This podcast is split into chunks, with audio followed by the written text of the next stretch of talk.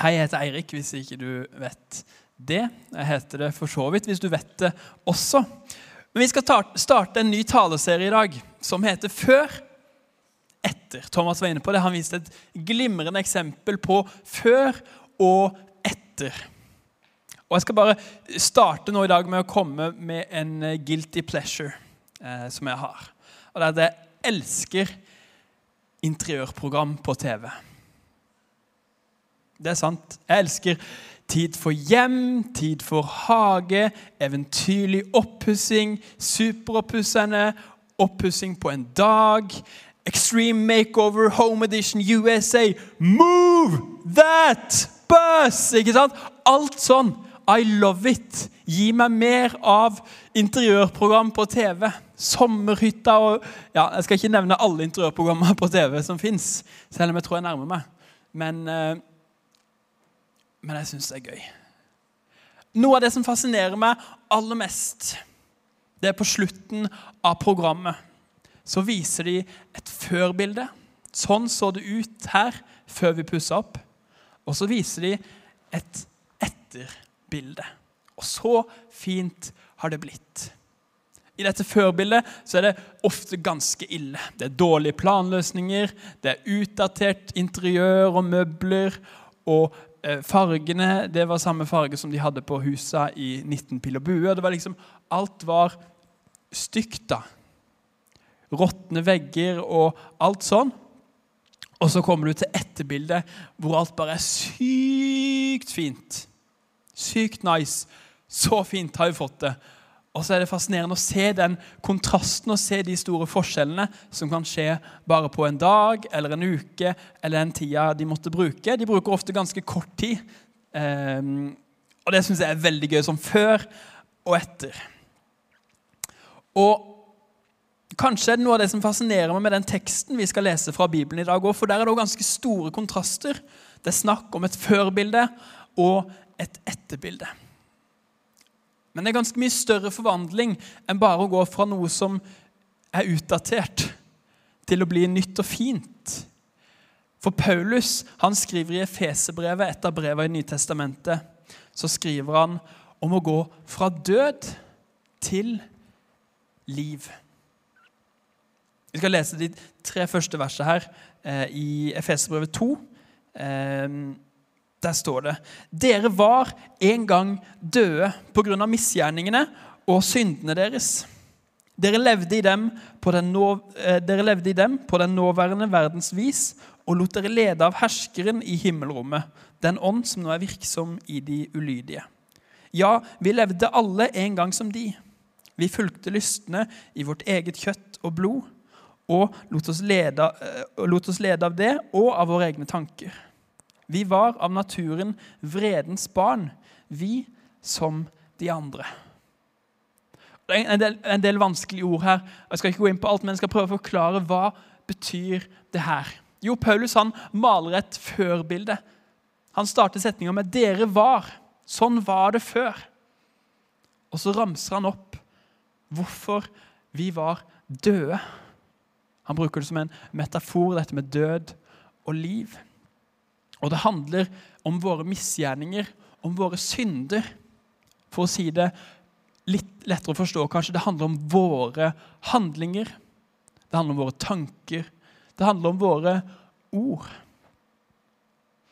Vi var en gang døde fordi vi ikke strakk til. Fordi vi gjorde dumme ting. Tenkte dumme tanker eller sa stygge ord. Det handler om våre handlinger som gjør at vi ikke strekker til. Våre misgjerninger og synder. Det var det som kjennetegnte døden. Men så stopper han heldigvis ikke der, Paulus, når han skriver. Um, for han skriver fra vers 4.: Men Gud er rik på barmhjertighet. Fordi han elsket oss med så stor en kjærlighet, gjorde han oss levende med Kristus. Vi som var døde pga. våre misgjerninger. Av nåde er dere frelst. I Kristus Jesus har han reist oss opp fra døden sammen med ham og satt oss i himmelen med ham. Slik ville han i de kommende tider vise hvor overstrømmende rik han er på nåde, og hvor god han er mot oss i Kristus Jesus. For av nåde er dere frelst ved tro. Det er ikke deres eget verk, men Guds gave. Det hviler ikke på gjerninger for at ingen skal skryte av seg selv. For vi er Hans verk, skapt i Kristus Jesus til gode gjerninger, som Gud på forhånd har lagt ferdige for at vi skulle vandre i dem. Og igjen, Hvis du ikke skjønte bæret av det her, så skal jeg prøve å forklare det litt. For her males etterbildet. Vi var en gang her pga. våre handlinger, tanker og ord. Men så kan vi få lov til å komme her til livet av Gud. Fordi Gud er barmhjertig. Fordi Gud er kjærlig, og fordi Gud er nådig. Og så syns jeg det er fascinerende å se at det som kjennetegner døden, det er oss sjøl. Der fokuserer Paulus på oss og våre gjerninger. Mens når han skal beskrive dette etterbildet, livet, så fokuserer han på Gud. Han starter første setning med 'dere var', og så starter han neste avsnitt med 'men Gud'. Og det er en sammenheng her. Det handler ikke bare om å si at dere var sånn, og så er Gud sånn. Men dere var sånn. Men så kan dere få lov til å komme hit fordi Gud er sånn. Jeg tror på en Gud som så mennesker slite her. Som så at mennesket ikke strakk til, gjorde dumme ting og sa dumme ting. Var egoistiske. Og så så han det og valgte å stige ned til oss og bli en del av oss. Og så kom Jesus til jorda, levde et perfekt liv, før han døde på et kors.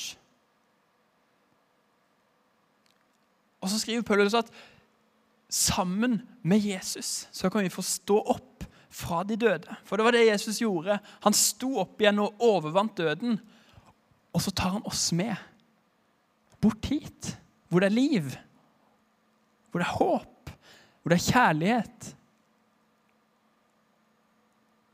Ikke fordi vi fikk ting til.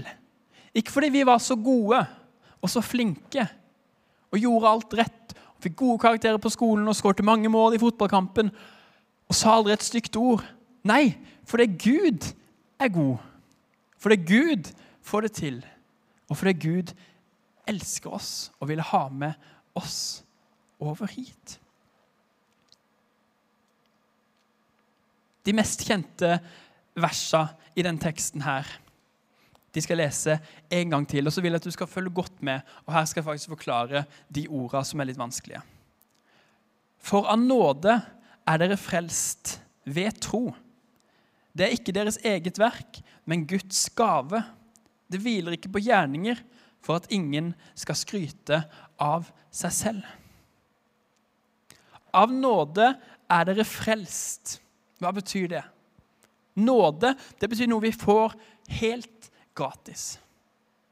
Helt ufortjent. En gave vi får som vi aldri kan gjøre oss fortjent til, og som vi heldigvis ikke trenger å gjøre oss fortjent til. Og hva var den gaven her? Jo, det var frelsen. Det betyr egentlig bare redning. Jesus redda oss fra det livet her, som egentlig ikke var noe liv fra vår egen synd og våre egne misgjerninger. Det han redda oss fra. Og hvordan har han redda oss fra det? Jo, ved tro, står det. Ikke ved gjerninger. Ved tro. Alt vi trenger å gjøre, det er tro på Jesus. Tro at det er sant. Og så er det nok. For Jesus han vet at vi ikke får det til. Han vet at vi driter oss ut av og til at vi gjør dumme ting og sier dumme ting. Men av nåde, ufortjent, så er dere frelst, redda ved tro. Og så får vi lov til å komme hit. Det er ikke deres eget verk, men Guds gave. Det understreker det at det handler ikke om hva vi gjør. Det hviler ikke på gjerninger for at ingen skal skryte av seg selv. Vi kan aldri gjøre oss fortjent til å være her borte hvor det er liv. Men vi får lov til å være her allikevel. Det, det er liksom kjernen i den kristne tro. Det er det at vi ikke fortjener det vi får men vi får lov til å ta del i det allikevel. Kanskje har du tenkt sånn at ja, men man må være sånn og sånn for å være en kristen. Man må kunne det og det, og man må slutte å gjøre det, og så må man Nei. Paulus skriver her det er bare av nåde. Bare av hvem Gud er, så kan vi få lov til å kalle oss for kristne. Og jeg får ikke alt til.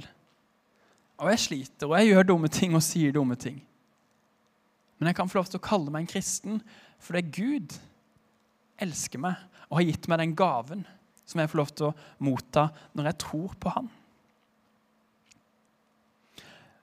Men så hand, altså, Frelsen handler ikke om gjerninger, men Paulus han skriver noe om gjerninger på slutten. her faktisk. La dere merke til det. For det er jo ikke irrelevant hva vi gjør. Våre gjerninger har jo noe å si. Det får jo ofte konsekvenser for oss sjøl eller de rundt oss. Han sier det at vi er hans verk, skapt i Kristus, Jesus, til gode gjerninger. Som Gud på forhånd har lagt ferdige for at vi skulle vandre i dem. Og Her er det bare viktig å ha tunga rett i munnen. Det er egentlig ikke så vanskelig. Hvis dere syns det høres vanskelig ut, så er det fordi jeg har forklart det litt tungvint nå, men nå skal jeg ta det veldig kjapt, veldig enkelt. Jeg, Eirik Vikse, får ikke livet til. Jeg gjør dumme ting, sier dumme ting. Jeg strekker ikke til. Gud, av bare nåde, helt ufortjent, sier at Eirik, du får lov allikevel til å komme til meg, hvor det er liv og håp og kjærlighet. Helt ufortjent. Og her, sammen med Gud, så tror jeg det fungerer sånn at når jeg vandrer med Gud, når jeg får lov til å leve livet mitt sammen med Gud og bli påvirka av Han, så fører det til at jeg også har lyst til å gjøre det som er godt, og det som er rett. Men følg med på rekkefølgen. Jeg er ikke en kristen fordi at jeg gjør gode ting. Men jeg ønsker å gjøre gode ting fordi jeg allerede er en kristen. Vi kan få lov til å tro, uansett hva vi har gjort og hva vi gjør, så kan vi få lov til å tro på Jesus og kalle oss for kristne. Og så tror jeg at når vi lever sammen med Han, så vil det påvirke oss. Så vil det forandre noe i oss. Så vil det skje en forvandling mye større enn den vi ser på Tid for hjem så vil før- og etterbildet være enormt mye større enn det vi ser på Tid for hjem. For vi får faktisk lov til å gå fra, nei, fra død til liv. Og det er ganske stort. Og så bruker Paulus det her som en metafor, men det er faktisk også helt reelt. Jeg tror på en Gud som bokstavelig talt har overvunnet døden. Jesus han døde og sto opp. Og han har lovt at alle de som tror på han skal få lov til å ha et evig liv også etter dette livet. Det er det det handler om når vi går fra død til liv. Først et liv her på jorda sammen med han, og så en evighet sammen med ham. Og Hvis du har lyst til å ta del i det. Hvis du føler at du, du er her, du har ikke tatt imot Jesus, men du har lyst til det, så jeg har bare lyst til å anbefale deg å, fylle ut det heikortet, så vil jeg ta kontakt med deg. Um, det ligger en blyant på, på, hver rad her, tror jeg. Så nå under de neste to lovsangene så kan du jo fylle ut det, og så levere det i den postkassa helt bakerst i salen. Um, så jeg har bare lyst til å anbefale deg det. Så kan du være med å gå fra død til liv. Ikke fordi du får det til, eller fordi du er så god og flink, men fordi Gud elsker deg og har lyst til å ha deg med der.